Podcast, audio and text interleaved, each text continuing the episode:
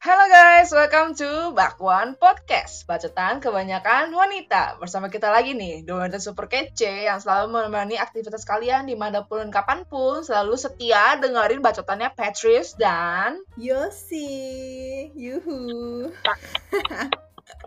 Mantap.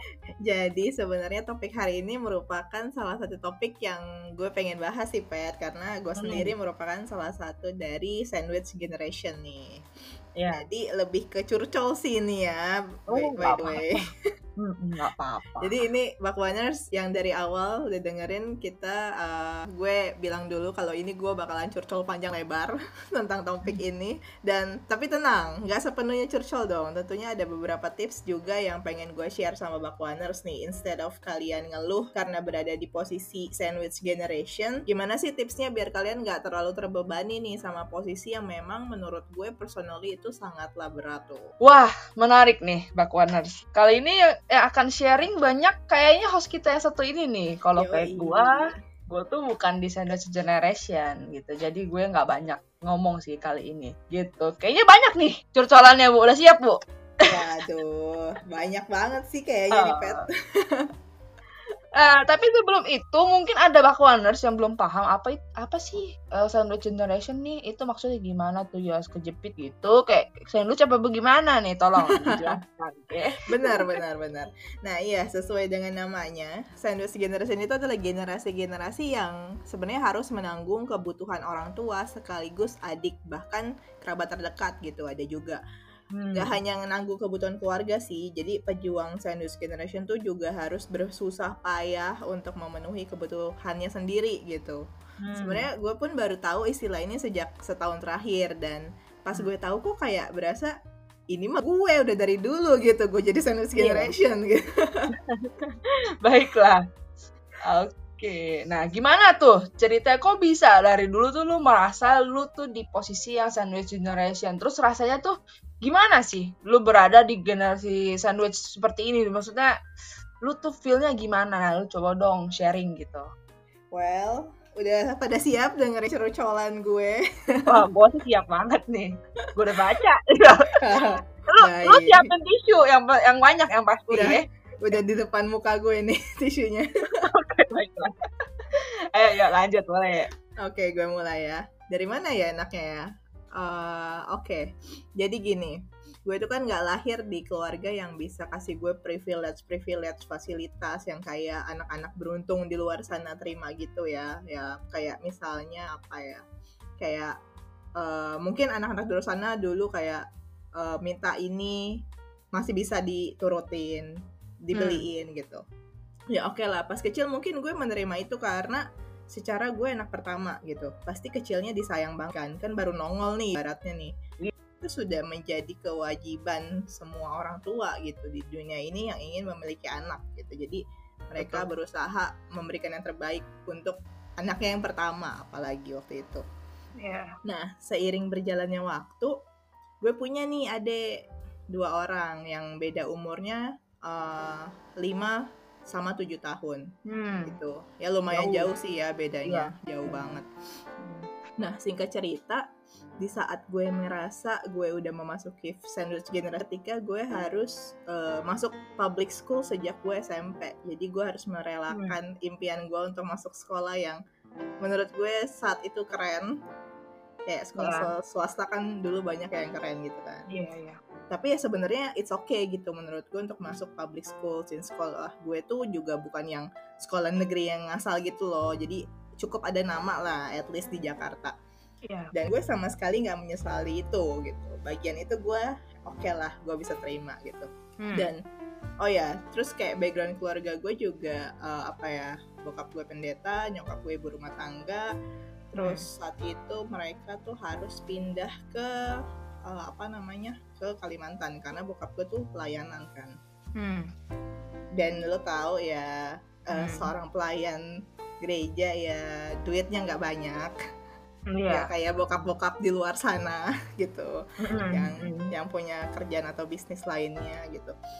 Nah terus lanjut nih kan gue SMA juga, gue juga harus lanjut di public school lagi karena Mhm. memang ya keterbatasan ekonomi keluarga gue saat itu gitu dan adik Iya. gue pun harus eh, sekolah juga kan saat itu Sekolah. mereka udah mulai masuk sekolah dan uh, dibagi keuangannya gimana Hmm. caranya di situ gue udah mulai Betul. merasakan yang namanya hidup di keluarga yang broken gitu totally Hmm. broken karena uh, apa ya uh, nyokap bokap gue juga uh, nggak nggak baik-baik aja gitu mereka hubungannya Hmm. jadi dari situ gue juga udah ngerasa uh, mereka udah nggak baik hubungannya terus ditambah gue sebagai anak dan anak-anak adik-adik gue yang lain tuh kayak ngerasain oh alah uh, gara-gara hubungan mereka kayak gini jadi imbasnya tuh ke kita gitu loh Iya. nah Hmm. di mana saat itu tuh gue bener-bener jadiin uh, jadi waktu itu gue jadi sekolah sebagai pelarian gue gitu Hmm. tempat gue having fun dan lain-lain gitu Hmm. karena gue waktu itu nggak tinggal sama parents gue kan waktu itu kan mereka di sana di Kalimantan dan pulang sekolah gue tuh bener-bener kayak punya keterbatasan waktu buat having fun with my things karena Iya. ya namanya tinggal sama orang ya waktu itu gue tinggal sama uh, tante gue tante dari sepupu gue harus bantuin ini itu Hmm. terus buat gue pegang tugas sekolah aja itu kayak gue mesti beresin dulu nih kerjaan rumah gitu dan Iya. which is itu banyak kayak banyak jadi rumah itu kan uh, tante gue tuh kayak buka uh, catering terus kayak uh, beres-beres ngepel nyapu motongin apa motongin apa gitulah jadi Mhm. keseharian gue tuh kayak pulang sekolah ngeliat kerjaan ada kerjaan gitu harus gue kerjain dulu gitu Iya. nggak bisa tuh yang namanya langsung masuk kamar bla bla bla gitu nggak Iya. bisa dan itu berjalan sampai gue kelas eh, 2 SMA Hmm. Nah di mana akhirnya waktu itu gue memutuskan untuk tinggal bareng ii gue yang sekarang nih. Adiknya mama gue yang which is eh, ii gue tercinta saat Anjay. sampai saat ini gue di sini Hmm. gitu lebih jauh sih memang. Waktu itu gue uh, tinggal di daerah dekat sekolah gue di dekat Pluit terus gue pindah ke Tangerang di Batu Ceper. Dan saat itu Hmm. sekolah gue di daerah Hayamuruk sana Uh. Jakarta Pusat Eh. Waduh, waduh, waduh, waduh, waduh, waduh. Lebih lu jauh. gitu. dulu Wih. gue sekolah tuh harus berangkat jam 5 subuh pet lu Hmm. bayangin Gila. Eh, mohon maaf nih, saya dulu pernah kan eh, magang di situ jadi tahu lah rutenya ya. Itu sih jauh Nah. lu. jauh kan gila karena udah gitu kan gue dulu ya namanya juga tinggal sama orang ya kayak tinggal sama Iya. ibu nggak ada yang nganter jemput kayak gitu dan gue harus naik Iya. busway jam 5 Oh, iya, subuh iya. harus berangkat sekolah karena lo Hmm. tahu public school kan dulu tuh masuknya jam setengah tujuh pagi kan Iya, iya. Lebih pagi banget lah itu. iya terus setengah tujuh telat dikit nih waktu itu gue pernah telat dikit dari rumah kayak cuma telat 10 menit Hmm. itu gue udah udah pasti telat sampai sekolah gila kan? Gila, iya. Karena- saat itu situasi jalanan Jakarta pun juga masih kayak ancur kayak apa ya kayak masih Parah berantakan lah Mm. iya lu siang dikit tuh tor yang orang pergi kerja segala macam kayak gitu busway juga masih sering masih banyak yang suka mogok kayak gitu Oh iya, iya. Nah, itu masih parah banget dan gue kuat-kuatin saat itu Oh. kayak gue masih sekolah 2 tahun gue kuat-kuatin banyak sih sebenarnya hal yang bikin gue mau nyerah aja gitu sama hidup gue waktu itu jujur Iya, iya. kayak cuma gue mikir sih Yos lu nggak boleh nyerah Yos gitu Mhm. kayak perjalanan lu masih panjang gitu jangan nyerah dulu Iya. Iya dong. terus Mm. oke long story short gue lulus SMA kan lo pikir gue langsung kuliah oh tentu tidak Tidak. Oke. tentu tidak Mm-mm. jadi gue bingung tuh waktu itu Hmm. di saat gue pengen gue pengen gue pengen banget kuliah pengen Iya. banget walaupun waktu itu ii gue mau bantuin ya kayak soal dana buat bayarin di awal masuknya tapi gue tetap kepikiran sih bisa gak ya gue kuliah sambil kerja gitu Iya. Nah, terus akhirnya gue galau-galau eh gue nggak pilih lanjut kuliah saat itu Hmm. jadinya waktu itu gue lebih memilih buat kerja gue galauin keputusan apa yang harus gue ambil saat itu gitu Iya, iya, iya. dan kebetulan waktu itu gue dapat langsung dapat kerjaan di perusahaan travel gitu ya udahlah gue gue jalanin dulu kerja kayak gitu kan. Terus oke enam bulan kerja nih gue akhirnya tahu nih gue mau lanjut di mana jurusan Iya, apa. Iya. karena saat itu juga gue masih bingung gue mau ambil jurusan apa Oh, gitu. jadi sambil mikir lah ya, gitu. iya sambil mikir. Dan gue bener-bener yang kayak dulu tuh doa sama Tuhan buat kasih gue kesanggupan sih. Iyalah. dengan gaji gue yang lu lu dulu 2000 kita lulus SMA tuh kapan sih? 2014 ya? Iya iya 2014 2014 lulus itu gaji UMR Jakarta tuh tahun segitu berapa sih? Pep? 4 Empat jutaan jutaan tuh kan? gila. eh 4 juta. Nggak nyampe sumpah. Eh nggak nyampe 4 nggak juta. nyampe, 4 juta mah baru sekarang sekarang kayaknya. Nyampe. iya. 2,8 gue ingat ini! gaji gue waktu itu. Lu bayangin 2,8 juta. Baiklah. Gue harus bayar kuliah cicilan laptop terus eh, harus nabung juga waktu itu. Tapi gue bisa. Gue gue nggak tahu ya gue itu itu benar-benar salah satu kemurahan Tuhan sih. Betul. Tuhan baik. gue bisa bertahan dengan gaji segitu. Dan yang sekarang gue pikirin anjir gaji segitu. Gue kayak cuma bisa ketawa doang ngeliat angkanya kalau sekarang gitu loh.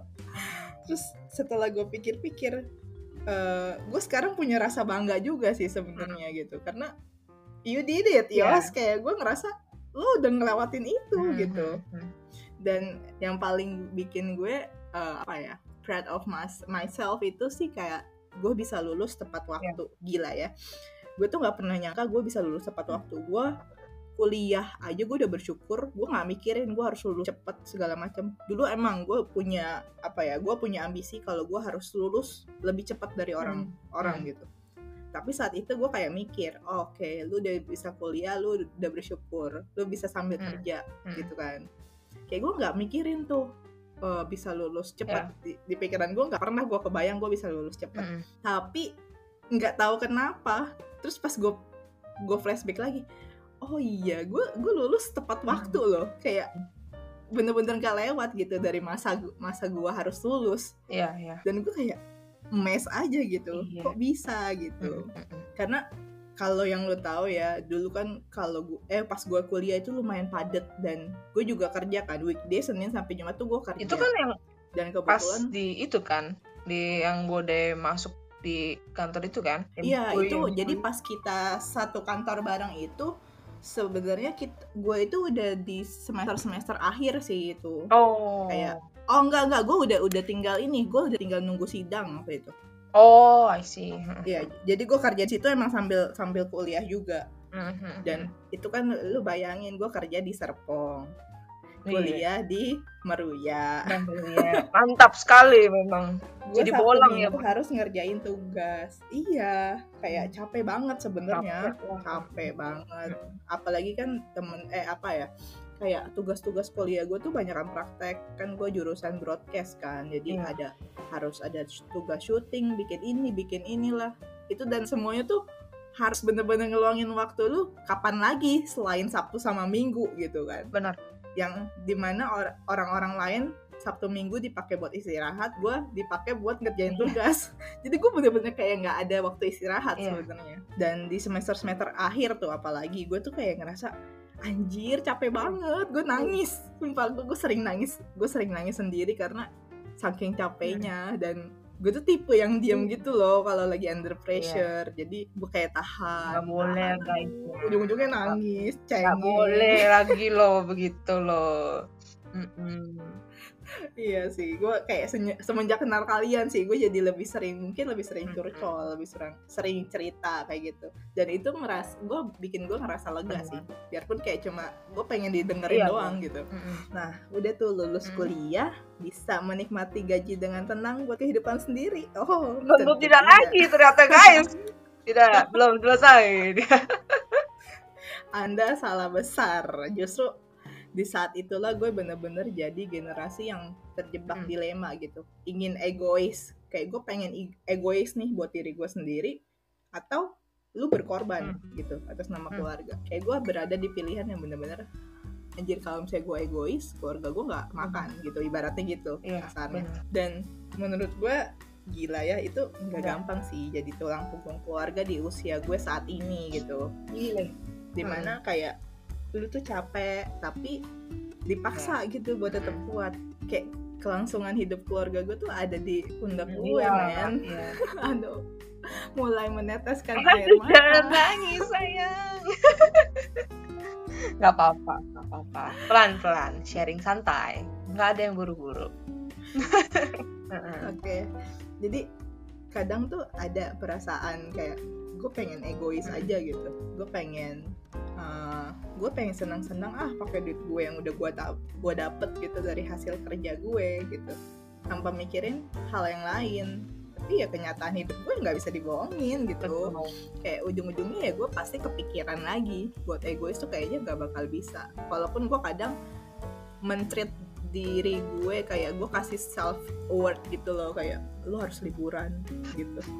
Coba lu harus liburan. Tapi gue tetap mikir gue pernah cerita kan Fer, sama lo di saat gue mau liburan atau gue mau pergi-pergi gue pasti selalu mikirin uh, nyokap dan adik-adik gue Hmm. gitu. Padahal ya it's okay gitu. Kayak sekali-sekali lu me time gitu lo liburan sendiri Iya. gitu. benar sih. Ya gitu. Terus apalagi ya? Kayak oh mimpi gue selama ini gitu kayak gue harus ngerelain mimpi-mimpi gue demi kelangsungan hidup keluarga Hmm. gue gitu kedengerannya emang gak adil sih Hmm. gak adil banget kayak gue kayak gue pengen banget sebenarnya lanjut Hmm. S2 kan Ya. dulu di univ yang yang maksud gue yang gue idam-idamin dari dulu dan gue tuh mikirnya gini gue S1 itu nggak nggak ada nggak belajar di universitas yang sebenarnya gue mau itu karena waktu itu gue pengen ini aja pengen sambil kerja dan kebetulan universitas tersebut bisa mendukung gue untuk sambil kerja Iya. gitu. Ada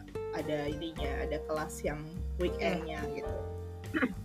Dan gue pengen tuh kayak gue mikir gue S2 harus lanjut di universitas yang menurut gue keren gitu. Gue gue gue punya pemikiran itu waktu itu. Tapi saya tahu tapi Hmm. itu cuma sekedar mimpi buat gue. Karena ya gue nggak punya support system yang layak gitu. Nggak gimana ya kalau misalnya gue lanjut S2 sebenarnya bisa-bisa aja. Dengan gaji gue yang sekarang gue bisa-bisa aja gue lanjut S2 Hmm. cuma gue harus apa ya ibaratnya lo harus uh, ngepres diri gue lagi nih saat kayak kembali ke uh, gue waktu kuliah sambil kerja S1 Iya. waktu itu. Apalagi S2 kan biayanya lebih gede. Pasti sih. Ya jadi pengeluaran gue ah, gue harus mepet banget. Pengeluaran gue harus mepet lagi kayak waktu itu. Dan gue kayak mikir ah udahlah udah udah yos. Iya, enough yos. Enough gitu. Jadi ya itu. That's why gue harus bekerja dua lip dua kali lipat lebih keras. Karena gue nggak punya support system yang layak kayak orang-orang lain punya Hmm. gitu Iya. terus hidup gue tuh sebenarnya berat banget berat banget kalian pasti bakwaners nih yang mungkin uh, ngerasa jadi sandwich generation juga kalian pas rasa hidup kalian berat Iya. gitu tapi hmm, pasti ada ya terselip kayak rasa bangga gitu di diri kalian pasti deh kalian harus bangga sama diri kalian karena kalian bisa melewati itu guys Gile. itu sih mari kita bergandengan tangan. Berat bun. Gua sampai speechless. Karena gua denger aja capek. Lu lu baru lu baru tahu ya? Lu baru tahu cerita Iya. gue kan eh, akhir-akhir Iya. ini kan? Iya gue gue sadar gue paham gue nggak bisa memilih buat lahir di keluarga yang gimana gitu. Gue nggak bisa milih ya kan? But at least gue bisa ngejalanin hidup gue dengan baik dan gue masih ada sampai Hmm. saat ini itu udah jadi kebanggaan tersendiri sih Hmm. buat gue kayak gue nggak depresi sampai bunuh diri pun itu gue udah bersyukur banget Mm-mm. karena dulu tuh kayak gue sempat punya pemikiran itu gue udah capek banget ditambah dengan malah keluarga gue terus gue yang harus kerja keras kayak gitu gue harus mikirin adik gue kuliah gimana kayak gitu gitu kan itu Ya. berat banget berat banget. Kadang gue mikir gitu beban gue tuh bisa tiga kali lebih berat dari anak-anak seumuran gue mungkin bisa lebih berat dari lo juga. Gue nggak tahu ya beban setiap orang Hmm. kayak gimana. Cuma kadang gue mikir kayak gitu. Tapi ya akhirnya memang ya gue kayak memilih untuk tetap bisa lihat ke bawah juga gitu gue kadang uh, ngelihat juga betapa banyaknya anak-anak yang nggak bisa sekolah bahkan dan gue masih bisa mensyukuri itu. Gue masih bisa mensyukuri keadaan hidup Hmm. gue sekarang dan uh, gue bisa hidup dengan baik dengan layak saat ini itu bener-bener kayak anugerah dari Tuhan banget. Kayak Tuhan tuh bikin gu- Tuhan tuh nggak ngasih apa ya Tuhan tuh nggak ngasih Tuhan itu nggak ngasih ikan tapi dia kasih Hmm. jala gitu. Jadi Tuhan itu nggak ngasih gue yang kayak langsung brek eh, nih lu gue kasih eh, duit bla bla bla bla bla. Hmm. enggak tapi dia ngasih gue kekuatan buat ngejalanin itu Hmm. untuk ngedapetin semua itu gitu. Iya. dia ngasih gue kekuatan gua- dia ngasih gue kesanggupan. Itu sih yang gue emes Mm-mm. sampai sekarang kayak kok bisa ya? Kok bisa ya? Gitu. Gila. Aduh gue tarik nafas dulu ya guys. Gak apa-apa. Santai sedih.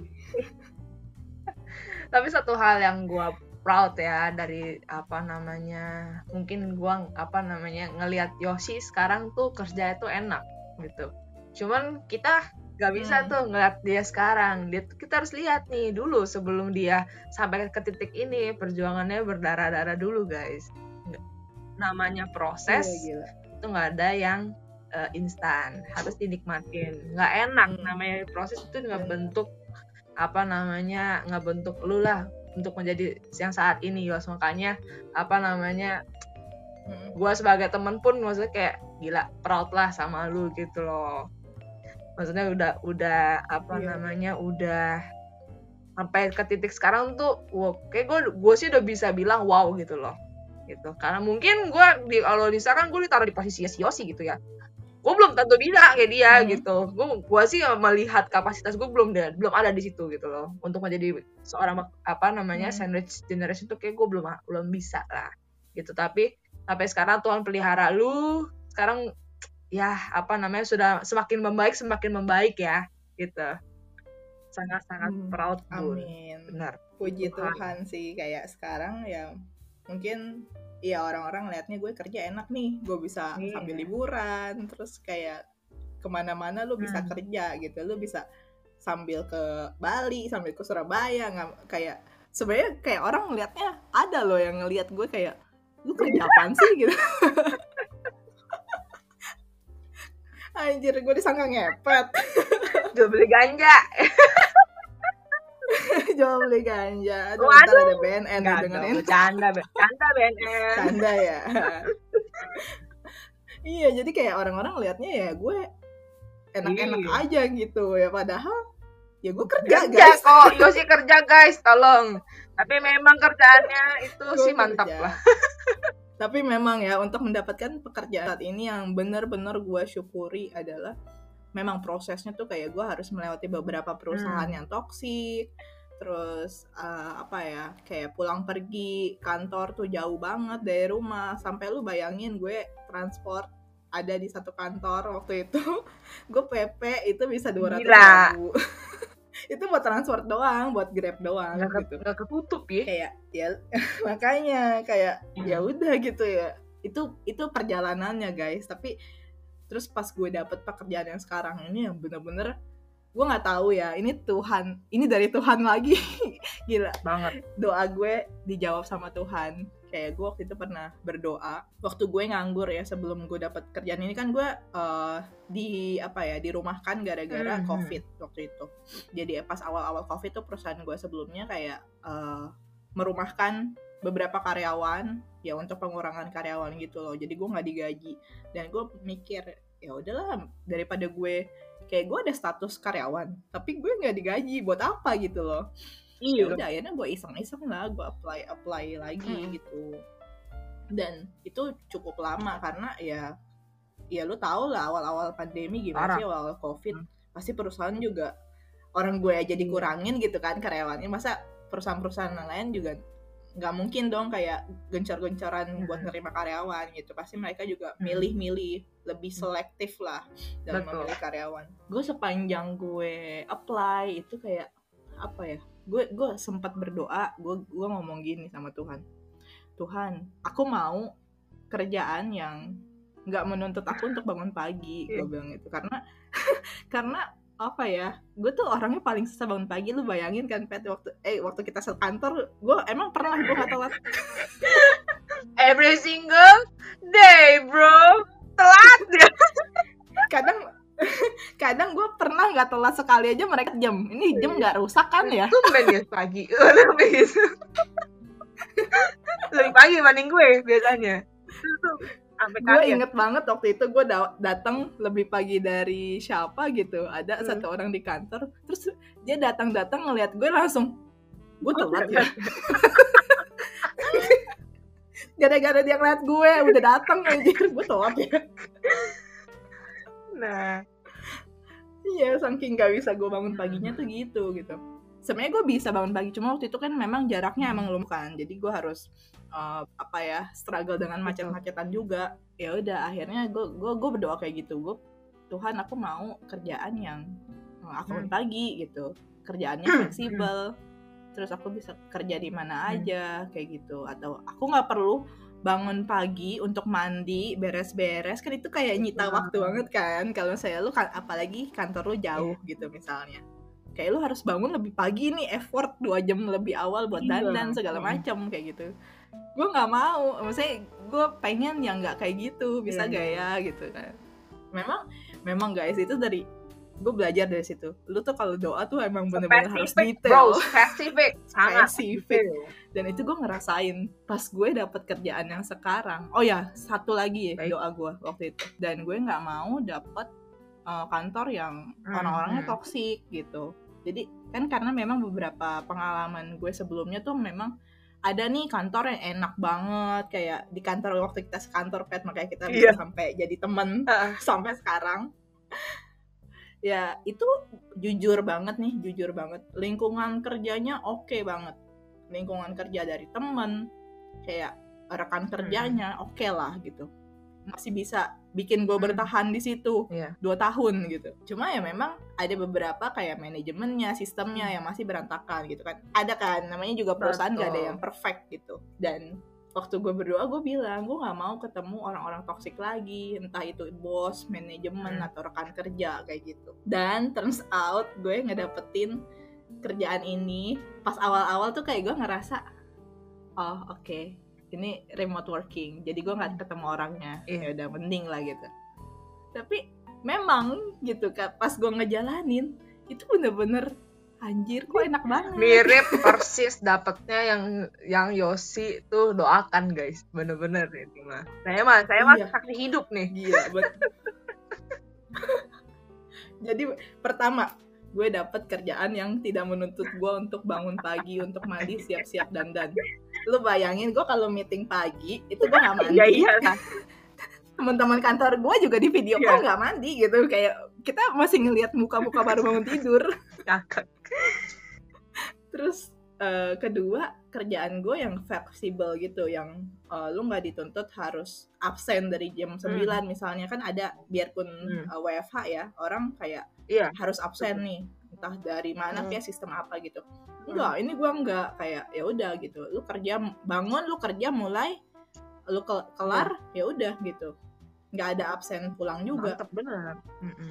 abis itu oh ya gue gua eh, waktu itu gue kayak ngerasain kalau dulu ya kita di kantor-kantor sebelumnya mungkin kalau pas lagi WFH kita mau liburan aja mau update aja tuh kayak Iya. mikir Hmm. kan kayak ah gue nanti disangka nggak Iya. kerja lagi gitu pasti ada pemikiran-pemikiran Hmm. gitu tapi di kantor gue yang sekarang tuh kayak karena gue Hmm. ngeliat dulu nih ya dari manajer gue segala macam tiap mereka mau ke Bali mereka tuh pasti bilang eh gue mau flight Hmm. ya ke Bali nanti pas abis udah nyampe baru gue Hmm. kabarin lagi gitu kayak seterbuka Hmm. itu gitu jadi gue ngelihatnya oh oke jadi mereka tuh kayak nggak ada yang Iya. ditutup-tutupin gitu loh kayak biarpun gue lagi di Bali ya Ya. gue bilang gitu sama orang kantor kalau gue di Bali gitu dan itu nggak masalah sama ya sekali Mm-mm. gue kayak ngerasa ah anjir Hmm. enak banget gitu kayak nger- lo mau flight lo tinggal bilang gitu lo dikasih Iya, iya. waktu juga gitu selama flight itu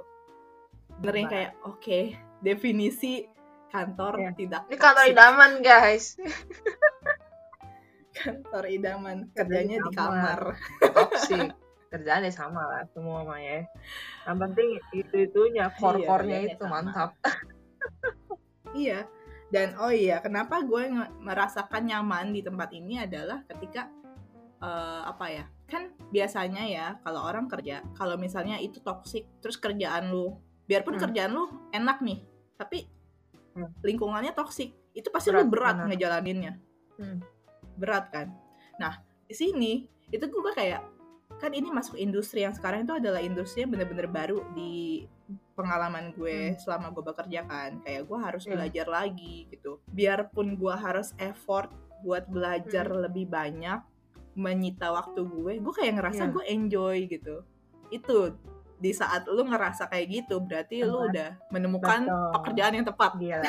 gila gue kayak anjir Tuhan tuh baik banget bener-bener Tuhan itu Mantul baik lici lah kalau ini mantap ini. Sebaik itu Tuhan. Mantul. Mm-mm. Ya rohani-rohani dikit nggak apa-apa lah anyway, ya. nggak apa-apa dan gue bukannya soal rohani ya tapi Betul. memang itu yang gue rasain gitu loh pet jadi kayak kalian nggak terserah deh bakwaners yang mungkin di luar Christian atau gimana ya ini maksudnya ini kesaksian hidup gue gitu dan hidup gue tuh berjalan ya karena kemurahan Tuhan. Jadi gue harus ngomong apa Iya, lagi selain benar, itu gitu kan. Tuhan baiklah all the time. ya udah baik baik banget. Dan eh, intinya ya I did it gitu. Kayak gue ngerasa gue berhasil melewati eh, masa-masa yang menurut gue Hmm. waktu itu berat banget. Biarpun perjalanan gue sekarang masih panjang ya. Maksudnya gue nggak berhenti sampai di sini. Gue nggak yang bisa happy happy dengan apa yang bisa gue dapet dengan menikmati sendiri gitu enggak. Yang bisa gue ambil dari perjalanan hidup gue yang masih panjang ini adalah ya sebenarnya jadi sandwich generation adalah sebenarnya suatu hal yang nggak bisa kita tolak gitu. Tapi bukan berarti kita tuh nggak bisa memutus mata rantainya untuk masa depan nanti guys. Jadi eh, gimana ya kalau yang menurut gue adalah kalau kalian sekarang berada di sandwich generation jadikan itu sebagai pelajaran jadikan itu sebagai pengalaman. Buat kalian nanti yang merasakan eh buat kalian yang merasakan hal yang sama nih semangat semangat. gue gue gue gue semangatin kalian siapa pun. Kalian kalau misalnya mau curcol sama gue juga boleh banget DM langsung. Nah, kalau kalian relate iya bisa DM gue langsung. Gue akan dengan sangat senang hati menanggapi curcolan kalian tentang mm, ini gitu gitu. Dan apa ya jadiin pelajaran kalau misalnya gue tuh belajar banyak gitu dari pengalaman gue karena eh, ini membuat gue semakin mau untuk kerja keras biar nanti anak Nah. gue nggak kayak gue gitu. Jadi gue mau memutuskan Hmm. rantai itu buat masa depan gue nanti yang bakal gue bangun dari nol. Gue nggak mau tuh kayak eh, apa ya jadiin anak sebagai investasi kayak gitu. Sebenarnya kayak gitu ya pro kontra sih cuma memang ya menurut gue eh, ya anak itu ya lu tugas lu ya ngurus mereka gitu. Jangan mengharapkan Hmm. timbal balik sih kalau menurut gue gitu yang seperti yang kita pernah bahas di apa sih di Hmm, episode hmm, child free ya kalau nggak salah ya iya di situ kita pernah bahas juga Iya, guys soalnya sedikit ya, jadi ya anak tuh kan nggak pernah minta dilahirkan. Yang merencanakan kan kalian gitu. Jadi apa Mm-mm. namanya jangan jangan pamrih kali ya Yos ya bilangnya mah ya. Iya, jangan pamrih, jangan mengharapkan dia bakalan Sesuai. lu sebaik iya, sebaik lu nge-treat dia. Kan kita nggak tahu ya, Manusia. manu- manusia Betul. gitu. Tapi ya memang kita sebagai anak juga pasti mau memberikan yang terbaik Mm-mm. buat orang tuanya gitu. Kalau kalau enggak ya kenapa gue kayak gini gitu loh. Kalau gue mau Mm-mm. egois ya gue bisa aja. Gue gue pindah ke kota lain, gue hidup sendiri, gue nggak mikirin mereka, bisa aja gitu. Tapi gue nggak Mm-mm. nggak- gue nggak bisa kayak gitu. Betul. Nah, buat kalian yang merasakan hal yang sama, buat kalian para sandwich generation, tetap kuat guys, karena percaya aja apa yang udah kita tabur saat ini gitu, itu akan bisa kita tuai di masa yang akan Betul datang. akan gitu. dituai guys. Mhm. Ada tambahan gak nih Pet dari lu, Jujur Pet? gua kan sih bukan termasuk sandwich generation jadi gue masa gue nggak bisa sharing banyak-banyak gitu soal yang begitu karena gue memang kurang kurang relate lah namun mungkin ini gue mau Ya. kasih tips-tips ya Mhm. sedikit tips sedikit yang udah apa yang harus udah dibiasain dari muda sih biar nanti biar mungkin Hmm. bisa memutus kali ya rantai sandwich sandwich generation mungkin dari lu entar entar Iya. nambahin boleh lah kalau dari gua ya itu dari dari muda biasain untuk investasi sedikit apa sedikit sedikit apa pun Iya. terserah maksudnya sisihin sisihin aja sedikit untuk investasi bebas boleh reksadana atau saham yang blue chip gitu gitu itu boleh banget Mm-mm, eh ke mm-mm. depannya lu ada pegangan gitu dan nggak bebannya anak lah ya gitu Benar. Nah terus yang kedua ya lu sisihkan juga untuk dana darurat dana ini ya nggak boleh lu otak atik gitu sama sekali lu nggak boleh otak atik gitu jadi eh karena fungsinya buat urgent-urgent aja itu dipakai. Jadi nggak ganggu portofolio investasi kalian. Dan yang terakhir, nih lu harus lu harus banget nih ini. Hmm. Gue bukannya kontra untuk BPJS, cuman namun apa namanya alangkah lebih baik kalau kalian harus ada apa kalian ada dan harus banget punya asuransi kesehatan swasta karena hmm. saat itu mahal coy. Jadi punya asuransi kesehatan swasta itu iya, perlu betul. banget. Biasain buat punya dari muda. Karena masih murah, Bun. Dan amit-amit iya. kalau ada apa-apa nih nggak nyusahin orang sekitar atau misalkan nanti anak kita nanti gitu. Hmm. Kalau dari lu gimana, News? Misalkan tips-tips kayak gini lah. Tuh ada nggak tambahan? Untuk tambahan mungkin uh, itu udah cukup, oh, lebih dari cukup. Karena ya dari tiga poin itu benar kita harus sa dari sekarang banget nih untuk melek investasi itu penting hmm. banget guys. Jadi uh, apa ya banyak memang milenial sekarang tuh yang uh, kayak lebih mengutamakan gaya hidup kurang-kurangin. lifestyle. Yeah. jadi kayak ikut-ikutan hmm. ya kurang-kurangin lah kayak gitu gitu. Bukannya gue sok menasehati kalian yang mau hidup dengan cara kalian enggak tapi hmm ya nggak apa-apa gitu dibagi harus untuk ada investasinya gitu. bulan itu harus ada mm dana darurat juga penting banget gitu nanti mungkin Boleh kita nanti. bisa bahas kali ya nanti dana darurat tuh sebaiknya iya. berapa kali gaji sih gitu boleh. nanti kita kita boleh nih bahas-bahas kayak gitu kita ngomong-ngomong soal investasi soal soal apa namanya dana darurat itu pasti kita ada topiknya yeah. iya. Oke. Okay. nah kalau untuk asuransi swasta iya gue setuju banget. Karena pengalaman gue ya waktu itu nyokap gue pakai BPJS tuh lumayan rumit ya bun ya? apa ya? Rumit ya bun ya. prosesnya ya bun ya. Biarpun Wah, kita, biar kita, kita bayar. bayar nih. Ya emang murah. Cuman kan tetap kita bayar nih kagak gratis. Cuman yeah. cuman yeah. ya asuransi harus ada. kesehatan swasta itu ada. harus lah karena itu merupakan investasi juga buat lo di masa yang akan datang gitu kayak lo ketika lo sakit nanti ya lo pakai duit yang dari asuransi bukannya hmm. duit dari dana hmm. darurat atau segala macam gitu kan syukur-syukur asuransi itu yang benar-benar bagus Benar. bisa mengcover semuanya gitu kan banyak kok sekarang gitu cari-cari aja gitu cari-cari tahu dan maksudnya jangan ignoran kayak iya. orang-orang dulu lah gitu karena sekarang makin lama makin mahal jadi iya. harus tahu diri juga gitu loh buat apa seenggaknya tuh nggak nyusahin orang kalau misalkan yeah. sakit seperti itu Enggak oh, guys, enggak. kita enggak mau kita bukan agent guys. Enggak, bukan. Tapi kita, kita udah pernah agent. karena apa namanya pernah ngalamin nih apa namanya ngeklaim ngeklaim asuransi tuh kan bokap gue juga sakit gitu itu membantu sekali gitu sangat sangat hmm. membantu bro nah. ini aduh udahlah Bener. banget lah haruslah adalah harus harus oke okay.